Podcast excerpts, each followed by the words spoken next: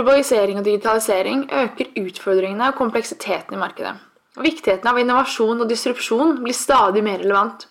Endringstakten i bedrifter må økes. Men hvordan kan du lage de gode kundeopplevelsene, skape innovasjon og engasjerte ansatte, samtidig som man endrer seg? Hele 75% av nordmenn føler jo lite eller inget engasjement i jobben sin.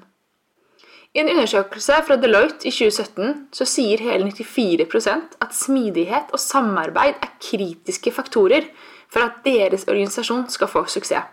Men kun 6 mener selv at de er smidige. Hva innebærer det egentlig å være en smidig organisasjon? Kan alle organisasjoner bli smidige? Dette og mer ønsker vi å diskutere gjennom Smidigpodden. Vi håper å finne noen av svarene. Jeg heter Ida. Og jeg heter Tobias. Velkommen til Smidigpodden. Velkommen til en ny episode av Smidigpodden. Og i dag så skal vi snakke om endringsledelse. Yes, med Stine Føreland fra Bouvet. Så det gleder vi oss veldig til. Det blir kjempegøy. Og vi er jo midt inne i sånn eh, ferie, ferieland. Ja. Så eh, Men Smidigpodden tar ikke ferie. Vi tar ikke ferie. Vi vi- skrur opp tempo. Vi skrur opp tempo, så eh, vi spiller inn i stort sett en episode i uken. Og det er vel planen å prøve å holde den eh, sekvensen, ser man det? Kons eh, Frekvensen heter det. Frekvensen, ja. frekvensen gjennom eh, sommeren. Så jeg tenker at når dere har tid til å lytte, så stiller Smidigpodden opp og leverer. Oh yes. Så det er bare å glede seg til. Og når vi er liksom inne på den biten der, så kunne vi kanskje liksom pushe litt ekstra enn en, en gang. At vi er alltid interessert i gjester. Så eh, kjenner du noen, eller kanskje du selv har lyst til å være gjest, så Si fra. Si fra. Ta kontakt. Smid Enten ja, smidigpodden at gmail.com, LinkedIn, Instagram. ja. Eller ta kontakt med oss direkte. Eh, Ja. Smidigalliansen Slack for eksempel er fint. fint. Det går å bruke. Det er fint. Eh, ellers så er det jo også som vanlig så tenker jeg at det er fint å pusle litt ekstra på at nå i sommerferien når folk har tid, så kan det jo være fint å kanskje sende en liten linke til Smidigpodden og oppfordre noen til å lytte som kanskje trenger å bli litt smidigere, rett og slett. Ja. Kanskje trenger å lære seg noe om eh, endringsledelse. ja. For vi er jo uten tvil i en annerledes tid i endring, er vi ikke det? da? Jo, vi er det. Og det er vel kanskje ekstra interessant i å snakke om endring og ferie i ferietid, og der har jo vi en liten, liten update. På endring i ferien. Ja, vi, vi, vi jo vi, vi bruker jo litt sånn eh, kan si smidige prinsipper når vi planlegger feriene våre. Det gjør vi jo. Når vi var i Laos i, i vinter, ved juletider, så gjorde vi jo det. Ja. Um, men vi har eh, nå mm, har Island åpnet opp 15. juni. Eh, så da har vi egentlig hoppet på en sånn spontantur til Island. Så vi skal reise en helgen her. Og for vi føler at Island er veldig trygt med tanke på korona. Eh, så da gjør vi det. Så gjør vi det. Så det blir veldig spennende. Jeg har selv vært på Island to ganger, men det er nesten ti år siden, så det skal bli spennende å komme tilbake. Så er det jo litt sånn litt ubehagelig å reise i koronatider. Men eh, vi har jo fått tatt en sånn koronatest nå her dagen før vi reiser, for å være sikre på at vi ikke hadde korona. Og det var jo um, Det er jo egentlig ikke fordi Vi har ikke trodd at vi har hatt korona, men Nei. vi vil jo være sikre når vi skal ut og fly og liksom være rundt mange mennesker. Vi vil jo være 100% sikre på at vi er helt fri for korona, ikke kan smitte noen. Og vi vil også vite at når vi lander på Island, for da må du velge vil du ta en test eller vil du være i karantene. Og det er litt dumt i og med at vi skal være der fire dager. Så det er litt kanskje mot sin hensikt å være i karantene. Så da kommer vi å gjøre en test til, og det kan jeg si at det gleder ikke jeg meg til, i hvert fall. For den eh, testen, eh, det var noe fæle greier. Eh, Ida deler kanskje ikke helt den opplevelsen med meg, men det er greit. Nei, jeg syns, altså, ikke det var noe ille i det hele tatt. Jeg syns det har vært skikkelig hypet. Det bare kilte litt i nesen. Og det var liksom litt sånn, Du får en pinne bak i halsen, liksom, men du har da vært innom verre enn det. Opp i nesen. Det er sånn ett minutt av livet ditt, ikke det engang. da. Det Det var ikke sånn bare at det var over når jeg hadde tatt den der pinnen ut, utan det var jo tårene rente i mange minutter etterpå. Nei. Det var ganske fælt, må jeg Nei, si. det gjorde ikke det. Det kilte, syns jeg. Men det, det som var bra, var at du var jo først ut, for jeg hadde liksom hørt ganske Ja. mange skrekkhistorier. Så ble jeg litt sånn litt beroliget når jeg så deg, at du syntes det var så Så jeg satt her li- li- lite ondt vetende om at de skulle kjøre opp en halv meter stang opp i hodet Nei, mitt. nå overdriver du skikkelig. Eh, Så ja, litt traumatisert, men eh, centimeter. Ja, ja. Vi Det trenger er ikke, en halv meter lang vi, trenger ikke, vi trenger ikke sitte her og diskutere lengde. Eh, Det er um, for en annen gang. Vi eh, tenker at vi eh, slipper inn Stine og drar i gang episoden. Så eh, Yes. vær så god, Stine. Velkommen. Velkommen. Velkommen til oss, Stine. Takk. Veldig hyggelig at du ville komme. Hyggelig å bli invitert. Har du lyst til å starte med å fortelle litt om deg selv? Det kan jeg gjøre. Jeg heter Stine Førland og jobber som agil coach i Bouvet. Eh, Og det har jeg gjort i ca. ett og et halvt år. Før det så har jeg jobbet som produkteier eller smidig coach eh, i Riks-TV og Storbrann. Så det stemmer. Så at jeg og Stine har jo hatt, eh, har jo hatt fire år nesten sammen. Ja. Tre-fire år sammen ja, i Riks-TV. Vært med på en smidig reise fra begynnelsen til ja, et eller annet sted på veien. Ikke sant? Og i dag skal vi snakke om endringsledelse. Ja. Så eh, skal vi kanskje liksom prøve å Klarer vi å Vi, vi har jo vi har en disclaimer, så har vi kanskje liksom noe kanskje begrepsting. skal vi liksom prøve, prøve å begynne der, kanskje? Disclaimer først. Ja. Ja. kan jo Hva, hva skal vi si? Disclaimeren? er jo at ingen av oss er jo endringsledere eller endringsledelsesspesialister. Nei. Nei. Men vi syns det er spennende, så det skal vi snakke om i dag. Ja, så hvis vi kommer med en uttalelse som er helt feil, så gjerne Så kan du få komme til poden og fortelle hva som er riktig. Yes. kan vi ikke si det? Ja, det kan vi si. Vi snakket jo litt om det før vi var på, at eh, det er jo et tema som blir litt sånn lite diskutert i den smidige verden, så at dette kanskje kan være med på å trigge at det blir flere diskusjoner rundt endringsledelse og hva det betyr i smidig, da. Tror jeg kan være bra. Ja. Skal vi hoppe litt ut i altså, hva, hva det vi, Når vi prater om endringsledelse, hva, hva, er det vi, hva er det vi tenker da? Eller hva er det vi liksom Hva er det, liksom? Kan vi, kan vi begynne sånn helt på overordnet? Ja. eh, Altså jeg tenker jo sånn Altså endringsledelse handler jo om å hjelpe bedriften eller selskapene til å håndtere endringer. Og i Smidig så ønsker vi å gjøre eh, sånn at altså, at man blir endringsdyktige. Eh, sånn at man ja, på sikt kan ta imot da, endringer på en bedre måte, hyppigere. eh, og at endring ikke blir så farlig. Eh, Det svarte kanskje ikke helt på hva endringsledelse er. Men det er jo å hjelpe mennesker og organisasjonen gjennom en endring på best mulig måte. Men det er kanskje nettopp den innfallsvinkelen der som vi syns er litt spennende, for at det handler veldig mye om endring begge deler, så derfor kan vi kanskje liksom lære litt av hverandre der, og liksom reflektere litt rundt det, hvordan man kan liksom bruke det inn. Er ikke det en ganske god oppsummering? Jo. Jo, jeg tror det. Jeg tror det. Så hvis vi tenker litt Hva er det i en smidig verden, da? En liksom smidig organisasjon, og hvordan vi kan bruke endringsledelse da? Hvorfor er det viktig? Ja, jeg tenker at eh, man må dra med seg alle disse modellene man har for endringsledelse. Uh, som altså Adkar-modellen, som handler om å skape bevissthet og et ønske om å endre seg. Uh, sørge for at folk har kunnskap og evne til å endre seg, og så sørge for da at endringen forblir. Mm. og at man ikke går tilbake til det samme. Det var sånn veldig kort om Adkar. Men også har en sånn forståelse for at folk går gjennom ulike faser. Eh, og man kan jo også trekke opp Det er jo en sånn derre eh, Kubler-Ross change cycle eh, som eh, tar for seg ja, Hvor mange elementer er det? Det er jo eh, Går gjennom dette med at man kan gå gjennom et sjokk fordi man skal Ja. eh, gjennom en endring. Eh, og så er det jo eh, denial, eh, frustration, eh, depression, experiment, decision, integration. Så er det noe med å hjelpe folk gjennom. Eh, endring kan jo komme for sjokk til, for noen. Og så kan man på en måte nekte, nekte å gå gjennom den. Og så har du en sånn syklus, da, eh, eller sånn sløyfe, som går, hvor du går opp og ned eh, ettersom du går gjennom den. Men jeg tror det er viktig, viktig å forstå, forstå disse modellene.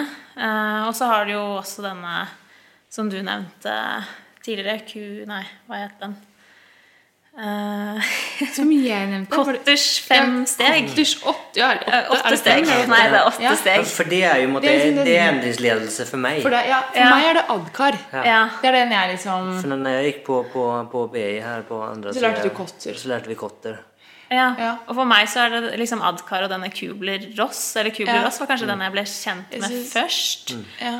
Uh... Kotter for meg er litt gammeldags. Men det er kanskje fordi at jeg assosierer yeah. det med at jeg lærte på universitetet. Ja, og da men ja, føler jeg det er ganske mange år siden. Og derfor liksom, tenker jeg at vi Og må der har du jo en veldig sånn fosterfallstilnærming, Det er kanskje derfor jeg tenker opplever ja. det som gammeldags. da At du liksom du skal liksom gjennom disse stegene, og så er det liksom Da er det liksom. happy days, på en måte. Eh, Og at du skal fra, fra A til, til B. eh, Og det er kanskje liksom det du tenker på, som litt, litt gammeldags. Eh, Men det, det jeg liksom enda sitter og tenker på her, er jo at det er jo alle disse modellene og den endringsledelsen, som at man har endringsledere, eh, har en jo veldig skal si, litt mer eh, strukturert eh, tilnærming. Ja. Eh, og kanskje litt mer eh, hva skal jeg si, akademisk, kanskje. Eh, teoretisk. Eh, som jeg tror man kan liksom dra nytte av. Eh, og vi i den smidige verden er jo så opptatt av endring og liker endring, så vi kanskje går litt fort i endringen noen ganger. Og at det sånn sett kan det være liksom nyttig å tenke seg litt om og faktisk bruke de her tingene for å man- få til endring. da. At man selv kanskje tar litt for lett på det, på en måte Ja. som smidig coach. og At det da hjelper å liksom tenke litt på huske litt modellene og Kanskje er så fokusert på å faktisk gjennomføre en smidig transformasjon at man glemmer litt menneskene oppi det hele. Så jeg tror at hvis man måtte ta med seg disse verktøyene For denne Cotters åtte steg er jo første er jo å eh, skape eh, litt sånn krise Altså hvorfor skal du endre deg? Og det er jo kjempeviktig i dag å få denne bevisstheten og hvorfor skal vi faktisk endre oss, hvorfor skal vi bli smidige. Eh, og det er jo Man ser jo at eh, det er ikke så lett å forstå det før du faktisk kjenner det litt på kroppen. eh, at eh, det er viktig da å endre deg. Så jeg tror jo hvis vi bruker alle de modellene, men ikke Før så har de jo kjørt, som Tobias nevnte, litt sånn fossefallstilnærming. At man har gått gjennom ett og ett steg, men at man har en mer sånn iterativ tilnærming til det.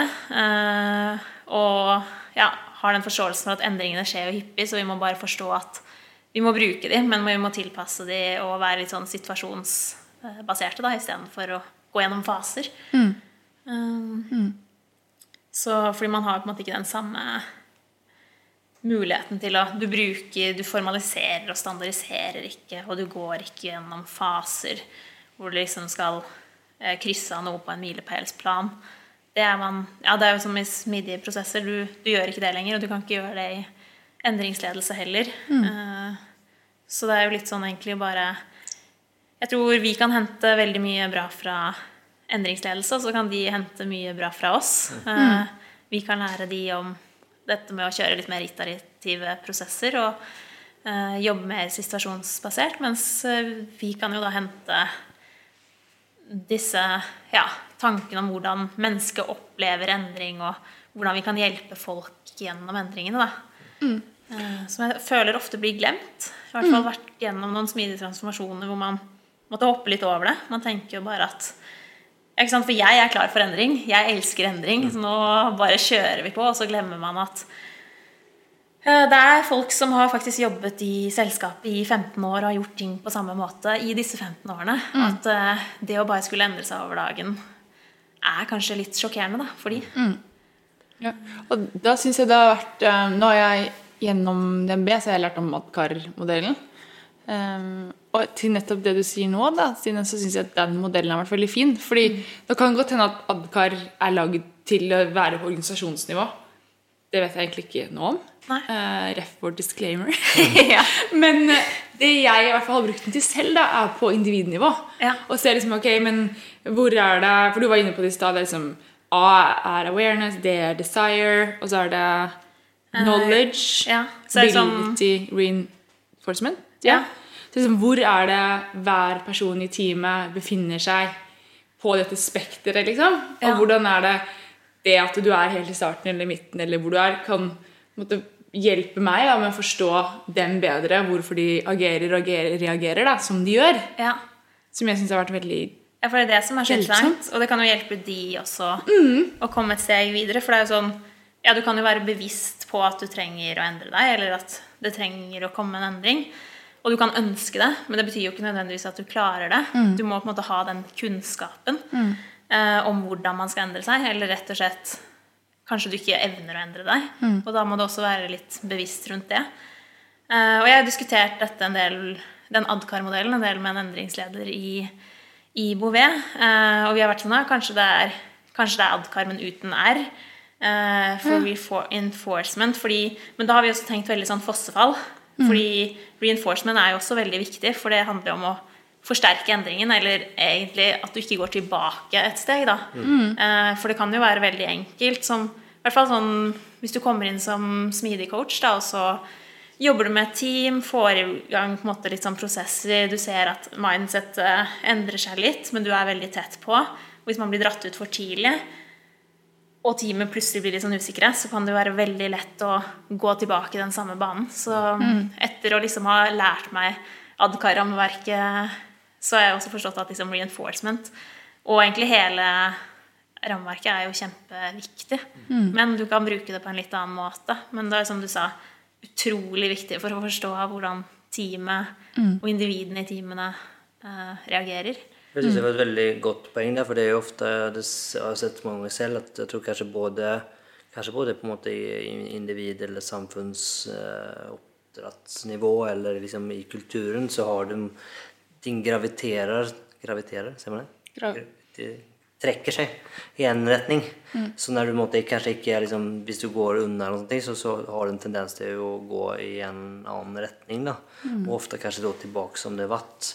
For mange av de tingene vi gjør, spesielt i smidig, eh, gjør vi ikke nødvendigvis for at det er lett, utan vi gjør det for at vi mener at det er riktig og at det er verdt det. Og da er det veldig fort å falle tilbake til det som kanskje er naturlig og lett. Eh, Og jeg syns liksom tverrfaglig samarbeid er et sånt eksempel. Det er jo eh, veldig Du får veldig mye effekt ut av det, men det er også veldig liksom, tungt. Og du blir jo kanskje ofte utfordret, og du må liksom tenke nytt og du må tenke annerledes. Det er jo veldig mye enklere og behageligere å bare samarbeide med de som tenker og eh, gjør på samme måte som deg selv. Og derfor så tenderer du til å gå til den liksom, faglige organiseringen tilbake. Da. For det er liksom, det er liksom der du har gravitasjonen. Eh, og da tenker jeg kanskje liksom enda viktigere med liksom få den reinforcement-tingen. da, for at, mm. og Derfor så tenker jeg ofte, det ser jeg også i egen erfaring, at det ofte kanskje går litt sånn i, i sykluser. da, Eller at du liksom, eller si, pendelen slår litt. da, At du liksom beveger i en retning, og så har du ikke fokus på det lenger. Da tipper du liksom litt tilbake, da, for du kanskje ikke liksom etablert den reinforcementen eh, godt nok. da. Men er, er, det et først, er det et skritt før awareness? modellen? For jeg opplever at mange ganger så er det kanskje til og med mangel på awareness som er utfordringen. Ja, men det er det som er poenget. at Hvis At du, du mangler awareness, skal du jobbe, du skal skape awareness. Det er på en måte det første Ja. steget. Ja, så jeg tenker- jeg tar feil. Da. Jo, men jeg tror det er sånn som Det er jo noen som på en måte må finne ut at ok, det er en, det er en endring som er nødvendig. Og så på en måte kommer han inn som endringsleder eller agile coach. da, Og så er det å hjelpe til å eh, øke bevisstheten rundt det å måtte endre seg. Eh, så, de, så steget før er jo på en måte de som finner ut eh, kanskje at det er behovet. Eh, Og så handler det jo ikke om å liksom sette folk i bås og si at oh, du er i awareness-fasen, du er i desire. Men det å skape awarenessen i teamet for personer for å ønske en endring, og liksom hvorfor man må, må endre seg. da.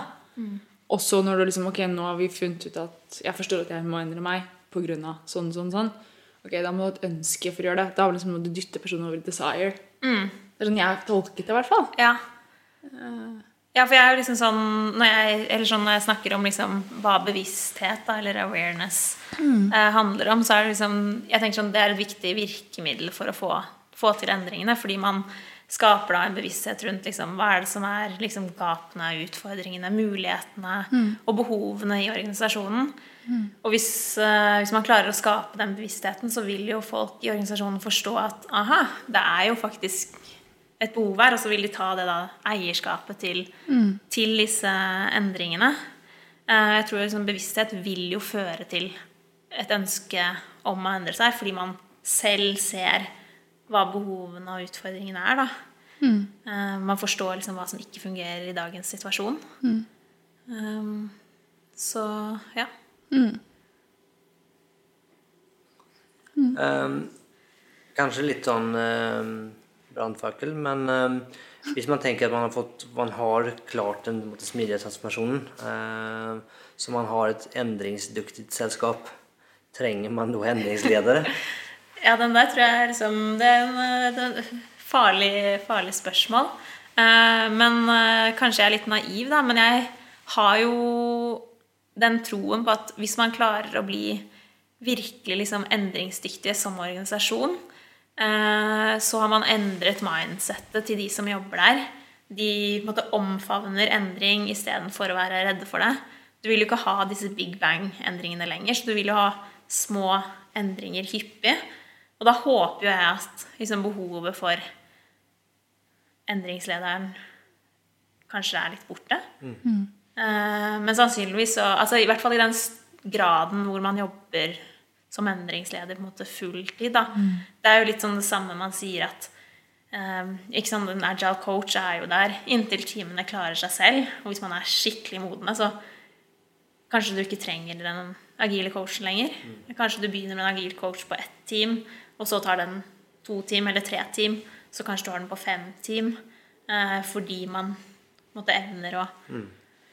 Men eh, det er en stor, eh, stor, diskusjon som er farlig å svare på, egentlig. Mm. Eh, Men jeg synes det er interessant for deg også. Jeg tenker som nettopp den parallellen du drar til en smidig coach. at man liksom, Hvis jeg har sagt det en gang før, og at jeg tenker som på ledere også, så bør mm. du kanskje ha den i hvert fall målbildet og at eh, du skal ikke trenges. Mm. Eh, og det er kanskje fint. og det, er liksom, det finnes jo nok av organisasjoner å, å bistå, med, bistå, hjelpe å jobbe med, og ting tar jo også tid. Så man kanskje ikke bør være så redd for at man ikke trenges på et sted, for det er jo mm. nok av andre steder man kan bistå inn. da, ja. Og andre mm. roller man kan tenke seg å ta. da. Ja, så tenker jeg kanskje sånn, Det er ikke det med at en endringsleder kanskje ikke trengs, men mer at måte, alle, alle, blir små endringsledere. da. Ja.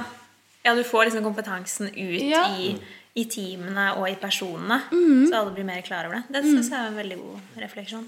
Ja, at du kanskje, som du sier også, eller sagt, at vi jobber liksom mer iterativt med endring. Mm. Og da er det jo du kanskje gjør mye av det her, men i mindre skala hyppigere på en måte, enn at mm. det blir så big bang. Da. Big bang, ja. Mm. Men um, disse Hva skal jeg si om um, disse endringslederne, om, om, de vil liksom si at de vil jobbe som smidig coach, da, kan vi trekke noen paralleller der? og det liksom noe, Hvordan jobber en smidig coach med endring og endringsledelse? Kan vi liksom sy det litt sammen? da? Vi... Ja, jeg tror jo det er liksom ganske mange paralleller der. Eh, det er jo Jeg holdt jo et sånt eh, frokostseminar her mm. i før korona. Begynner å miste litt sånn tidsperspektivet. Men da har jeg på en måte trukket ut nå måtte jeg jo velge noen, da, og jeg ser jo at måtte, det er jo flere. Men jeg, jeg nevnte jo måtte, de som er syv, altså syv punkter som jeg tenker er viktige. Eh, som jeg gjør som agile coach, men som også egentlig en endringsleder gjør. Mm. Eh, og det handler jo om det om å sikre forankring. Um, og det er jo en av de viktigste tingene man gjør. Og, det, og der, jo, der, fikk jeg noen spørsmål i etterkant, det, og det syns jeg var en veldig god refleksjon. For det er jo ikke jeg som jobber med forankringen. Det er jo en ledergruppe. Mm. Eh, men som agile coach så hjelper jeg ofte til. Eh, enten coacher ledergruppen eller mm. hjelper til med å skape en forankring ut i organisasjonen mm. da, sammen med ledergruppen. Mm. Eh, for det handler jo om å ikke bare skape en forankring hos styringsgrupper eller andre ledergrupper, men mm. å gjøre det i hele organisasjonen. Var, før vi begynte å spille inn, så snakket du litt om liksom, bruke verktøyene man har for endrings... endrings um, det er liksom um, stakeholder-analyse, ja. den type ting. Da. Det kan jo kanskje være hendig. Ja. ja. ikke sant. Så her, ja, veldig godt poeng. Så det handler om å forstå hvem i organisasjonen som kanskje er de største motstanderne, mm. eller de som er mest for, uh, og så jobbe med, med de aktivt. Så er det jo sånn at de som har en høy stemme, og som er viktige, er jo kanskje de du ønsker å ha på laget for å spre budskapet. Mm. Um, og så har jeg også lest en del om at uh, kanskje man ikke nødvendigvis skal fokusere så veldig på uh, de som er mest motstandere. Uh, mm. Fordi det kan ta for mye tid og kreve for mye. Mm. og der kan man jo relatere seg litt tilbake til sånn derre Altså sånn, egentlig Når det kommer til innovasjon, da, så har du liksom du har innovators, så har du jo early adopters. Uh, late adopters, altså laggards. Uh, så du burde kanskje fokusere på disse innovator, inno, innovatorsene. Ja. Uh, som er de som kanskje er de som liksom er mest gira og, og kan bruke mye av sin kapasitet og evne til å spre budskapet. Og så går du i neste fase. Eh, hvis du bruker på en måte, for mye tid og krefter på liksom, laggards og late majority, så kan det egentlig bare føre til at du ikke kommer så langt. Eh, så det syns jeg også er ganske interessant. Da, at man må på en måte Hvem er det man skal fokusere på uh, i denne stakeholder-analysen? Eh, så der, vi, der vi har du kommer vel først til uansett til ja. en viss tipping point, for det er Ja. nesten mer majoriteten som, som teller enn noe annet, egentlig. Så det er liksom ikke, de får du ikke med deg når du ikke har med deg resten. Nei. Og så er det noe med at eh, ja, du må jo tilpasse budskapet til de, til de ulike. Da, men at det er kanskje de, de du har en tanke om at du klarer å nå ut til først, at det er de du burde fokusere mest på i begynnelsen. Eh, men du må uansett tilpasse budskapet til de ulike gruppene. Eh, ja, så det var jo forankring. Første punkt. Neste år er det med å skape bevissthet. Det har vi jo snakket veldig mye om allerede. Eh, men der er det jo det med å ja, egentlig snakke med folk, kjøre ulike måte, workshops eh, for å skape den bevisstheten. Eh? Som konsulent så blir man jo ofte hentet inn for å se, gjøre noen analyser på hvordan ting fungerer og ikke fungerer, og så på en måte presentere et resultat. Eh, mens det er jo ikke noe jeg er noe fan av, for det handler jo om å få folk med deg. Så det er jo å kjøre disse uh, tingene sammen. Uh, altså kjøre litt sånn retrospektiver eller team canvaser eller sånne health checks, som vi også kjørte i Riks-TV. Eh, hvor det er sånn en helsesjekk hvor du ser sant, hvordan tror man at man Eller sånn, hvordan føler man at man er på en skala, da. Og det går jo på alt fra ledelse, prosess, struktur til teamsamarbeid. Eh, gjør det både i teamen og i ledelsen, da, og så få, få på en måte hva er det gapene er her. Eh, så det er også litt, ja, litt ulike måter rundt det å skape bevissthet, uh, som jeg tenker er viktig. Og neste punkt det er vel liksom ikke noe som jeg har utpekt sånn i endringsledelse, men det er jo mye av endringslederen sin jobb, tenker jeg, og det er jo dette med å etablere trygge rammer. Eh, sørge for at det er et miljø der hvor folk tør å si fra, hvor det er rom for å feile og snakke om det. Uh, og der er jo Amy Edmundsen min på en måte store helt innenfor det. Uh, så for de som ikke har sett uh, TED-talken 'Psychological Safety' eh, med Amy Edmundsen, så er det bare å kjøre bra. på. Vi kan linke den i um, Det gjør vi. ja, Veldig, veldig bra. og boken hennes 'The Fearless Organization' også veldig, veldig bra. Um, så det er jo en av de, ja, et av de viktigste punktene også. Uh, og så er det jo dette med å øke eierskapet uh, i bedriften. For det er sånn i Og sånn, det er jo litt endring, da, fra tradisjonell endringsledelse, kanskje, i litt sånn tradisjonelle prosjekter og organisasjoner. Fordi i smidige organisasjoner så har man jo Skal jo alle ta eierskap til mål og visjon og, og det man gjør. Og det er jo en ganske stor endring fra hvordan ting har fungert eh, i, i dag. Og det kan jo være en veldig stor endring for både ledere og ansatte, da. Jeg ser jo ofte at sant, det er veldig vanskelig for ledere å gi slipp. Eh, og å gi tillit da, til de ansatte. Og så kan det være vanskelig for de ansatte å liksom, ta det eierskapet fordi de er redd for å gjøre et eller annet feil. Eh, så jobbe med det eierskapet eh, tenker jeg liksom er en av de viktigste elementene i endringsledelse, da, eh, som smidig coach. Um, og så handler det om det å utvikle kompetanse.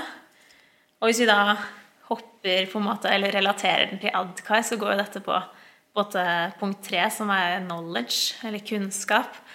Uh, for det er jo For å kunne endre seg, så må du jo ha kunnskap om det. Uh, I Riks-TV, eksempel, så når vi begynte den smidige transformasjonen, så hadde vi jo masse kurs uh, i liksom Product Owner, Scrum Master, så vi tilegnet oss den kunnskapen vi trengte for å ta disse nye rollene. Uh, og det er jo en kjempenødvendighet. Det er jo, hvis, du skal, hvis du ønsker at folk skal endre måten eller atferden sin, da, eh, så må man jo ja, tilrettelegge for at de vet hvordan de kan gjøre det. Eh, nå bare snakker jeg, så dere må bare. Ja, avbryte. Kjempespennende. Kjempespennende. Og så er jo eh, neste punkt handler jo om å fjerne, fjerne hindringer. Mm. og det er jo også en av de største oppgavene til en endringsleder. Er jo å forstå hvor er hindringene i organisasjonen, og hjelpe til å løse opp i de. Og en, et eksempel på en hindring her kan jo være motstand, som vi var litt inne på tidligere. Forstå hvem er det som er motstandere. Hvis de motstanderne har en veldig høy røst da, i organisasjonen, så er det jo viktig å ta tak i dem, for ellers så kan jo de ødelegge mye av det fundamentet du bygger. Um, ja, så det er jo et, ja, et eksempel på en hindring som kan være der. Og siste så er det jo det å drive forbedring. Uh, og her klarer jeg Ja, det er jo nok mye av det som man gjør i uh, Altså i endringsledelse også. Men sånn litt sånn konkret på å drive forbedring her, så er det jo å, hjelpe til med å drive gjennom endringene. Og være der som en støttespiller og, og forstå Altså litt sånn hjelpe deg gjennom den smidige transformasjonen, da. Altså sånn at man beveger seg og blir mer smidig. Mm. Uh, snakket jeg veldig på inn- og utpust her. Men det er jo de syv, syv tingene. Jeg kan jo bare ta det raskt. Men det er jo ja, sikre forankring, skape bevissthet, etablere trygge rammer, øke eierskap, utvikle kompetanse, fjerne hindringer og drive forbedring. Som jeg tenker liksom sånn Når jeg ble bedt om å snakke om endringsledelse, så var jeg endringsleder, så tenkte jeg at dette er det jeg som smidig coach gjør som endringsleder. I tillegg til det vi snakket om tidligere, da, å prøve å forstå hvor folk er i disse ulike fasene av en endring. Jeg synes det er veldig fine punkter. Jeg kjenner i hvert fall veldig igjen i de. da. At det er liksom gode ting å jobbe med. og ja.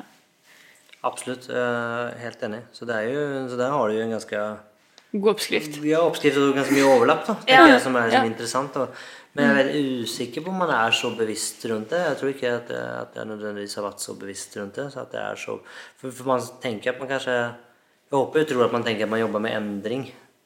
Men man kanskje likevel ikke er så, så bevisst rundt det. Det syns jeg er liksom fint at man kan liksom At det fins et helt fagfelt man kan liksom dykke ned i og faktisk eh, trenger ikke å oppfinne hjulet på nytt, egentlig. Nei.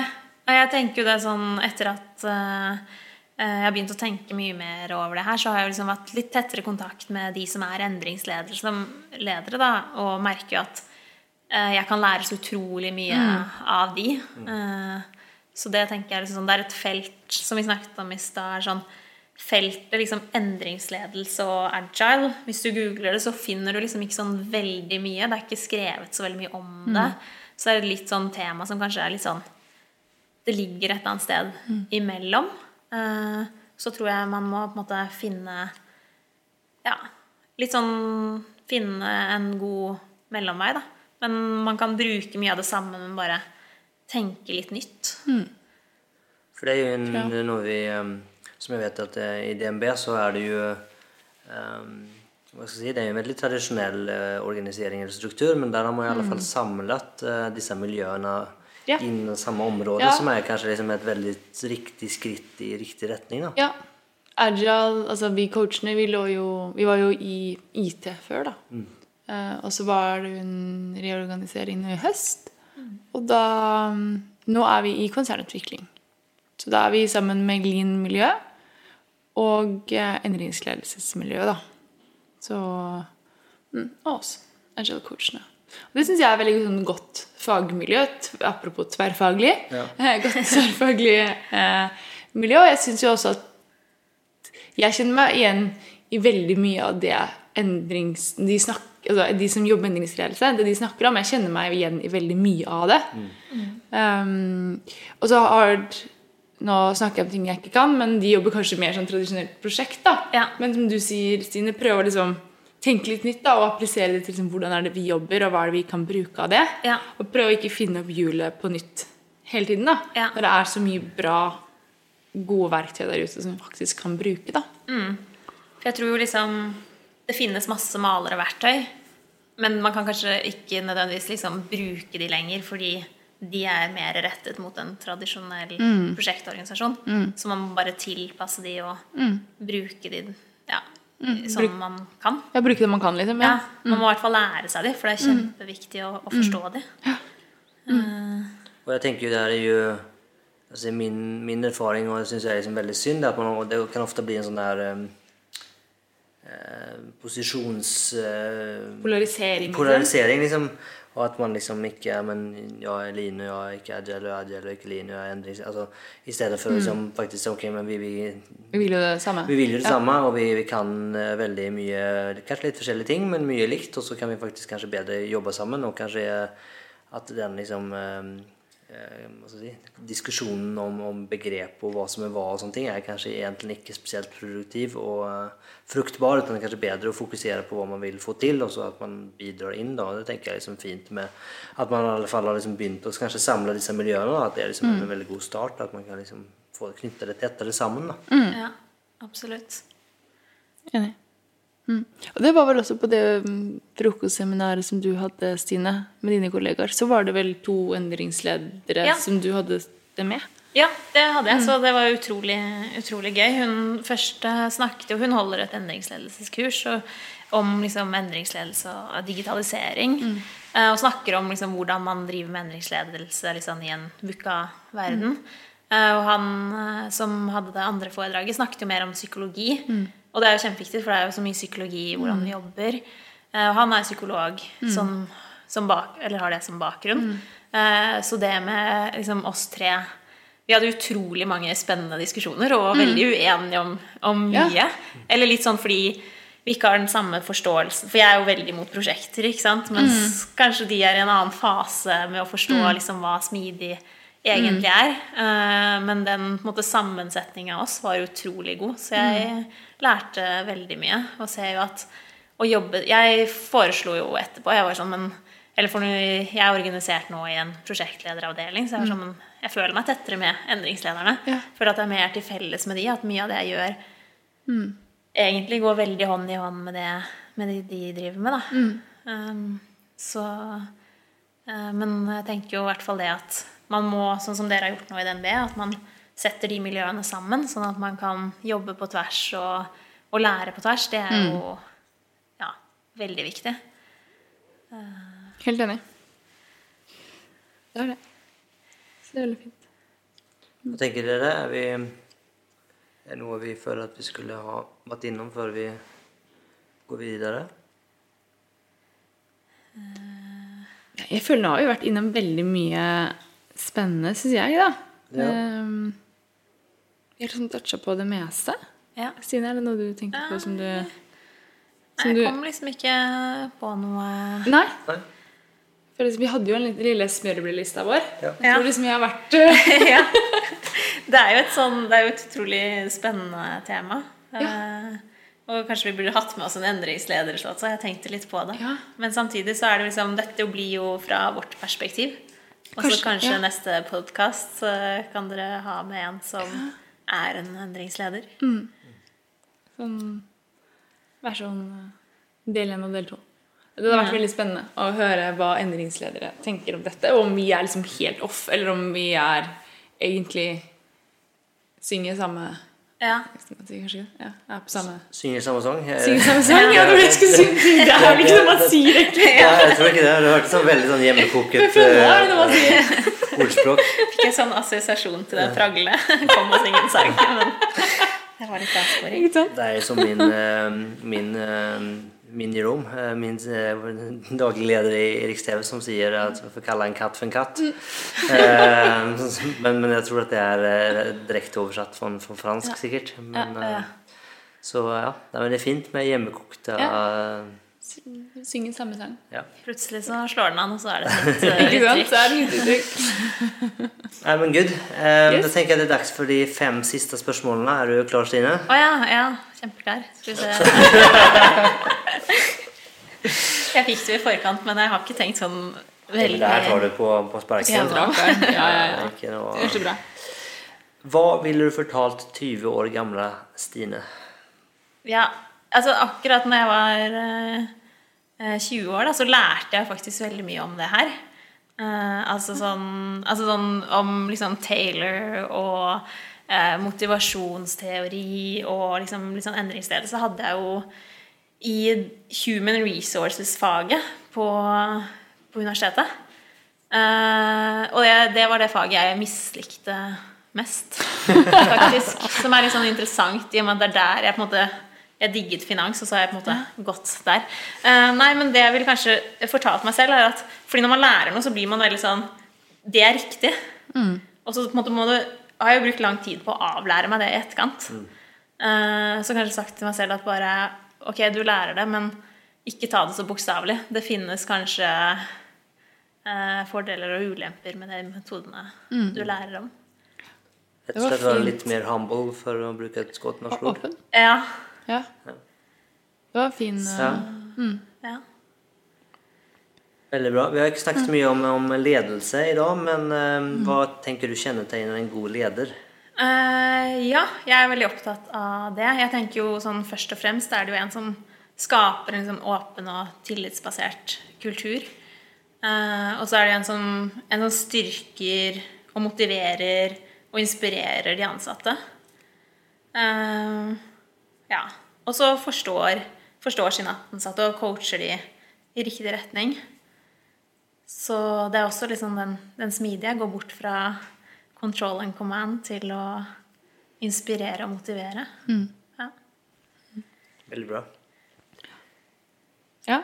Um, hva vil du gi som tips til de som ønsker å etablere en mer smidig kultur?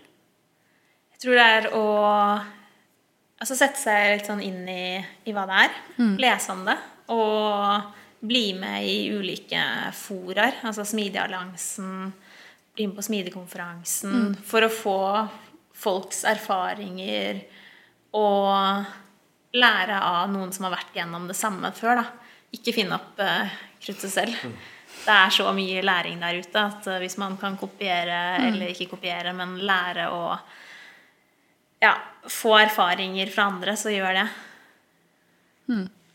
Ja, ja, jeg er veldig enig. Veldig godt. Eh, Jeg tenker, ja, som vi har vært inne og snakket gjennom hele episoden, er liksom den læringen. Og, og kanskje liksom også kanskje få, få tillegge på, ditt, eh, på spørsmålet til deg, men at liksom lære av de som du kanskje ikke tenker er riktig å lære av. Altså liksom litt sånn Ja. annen innfallsvinkel tenker jeg er fint òg. Ja. Jeg tror det er liksom litt nøkkelen.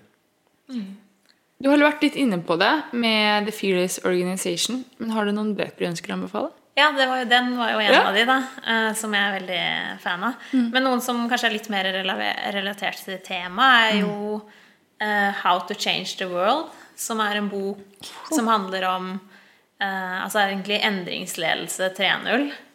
Uh, og det er bare en Ja, den er skrevet av Jürgen Apelo. Eh, jeg fikk faktisk den tilsendt av en av endringslederne i, i Bouvet.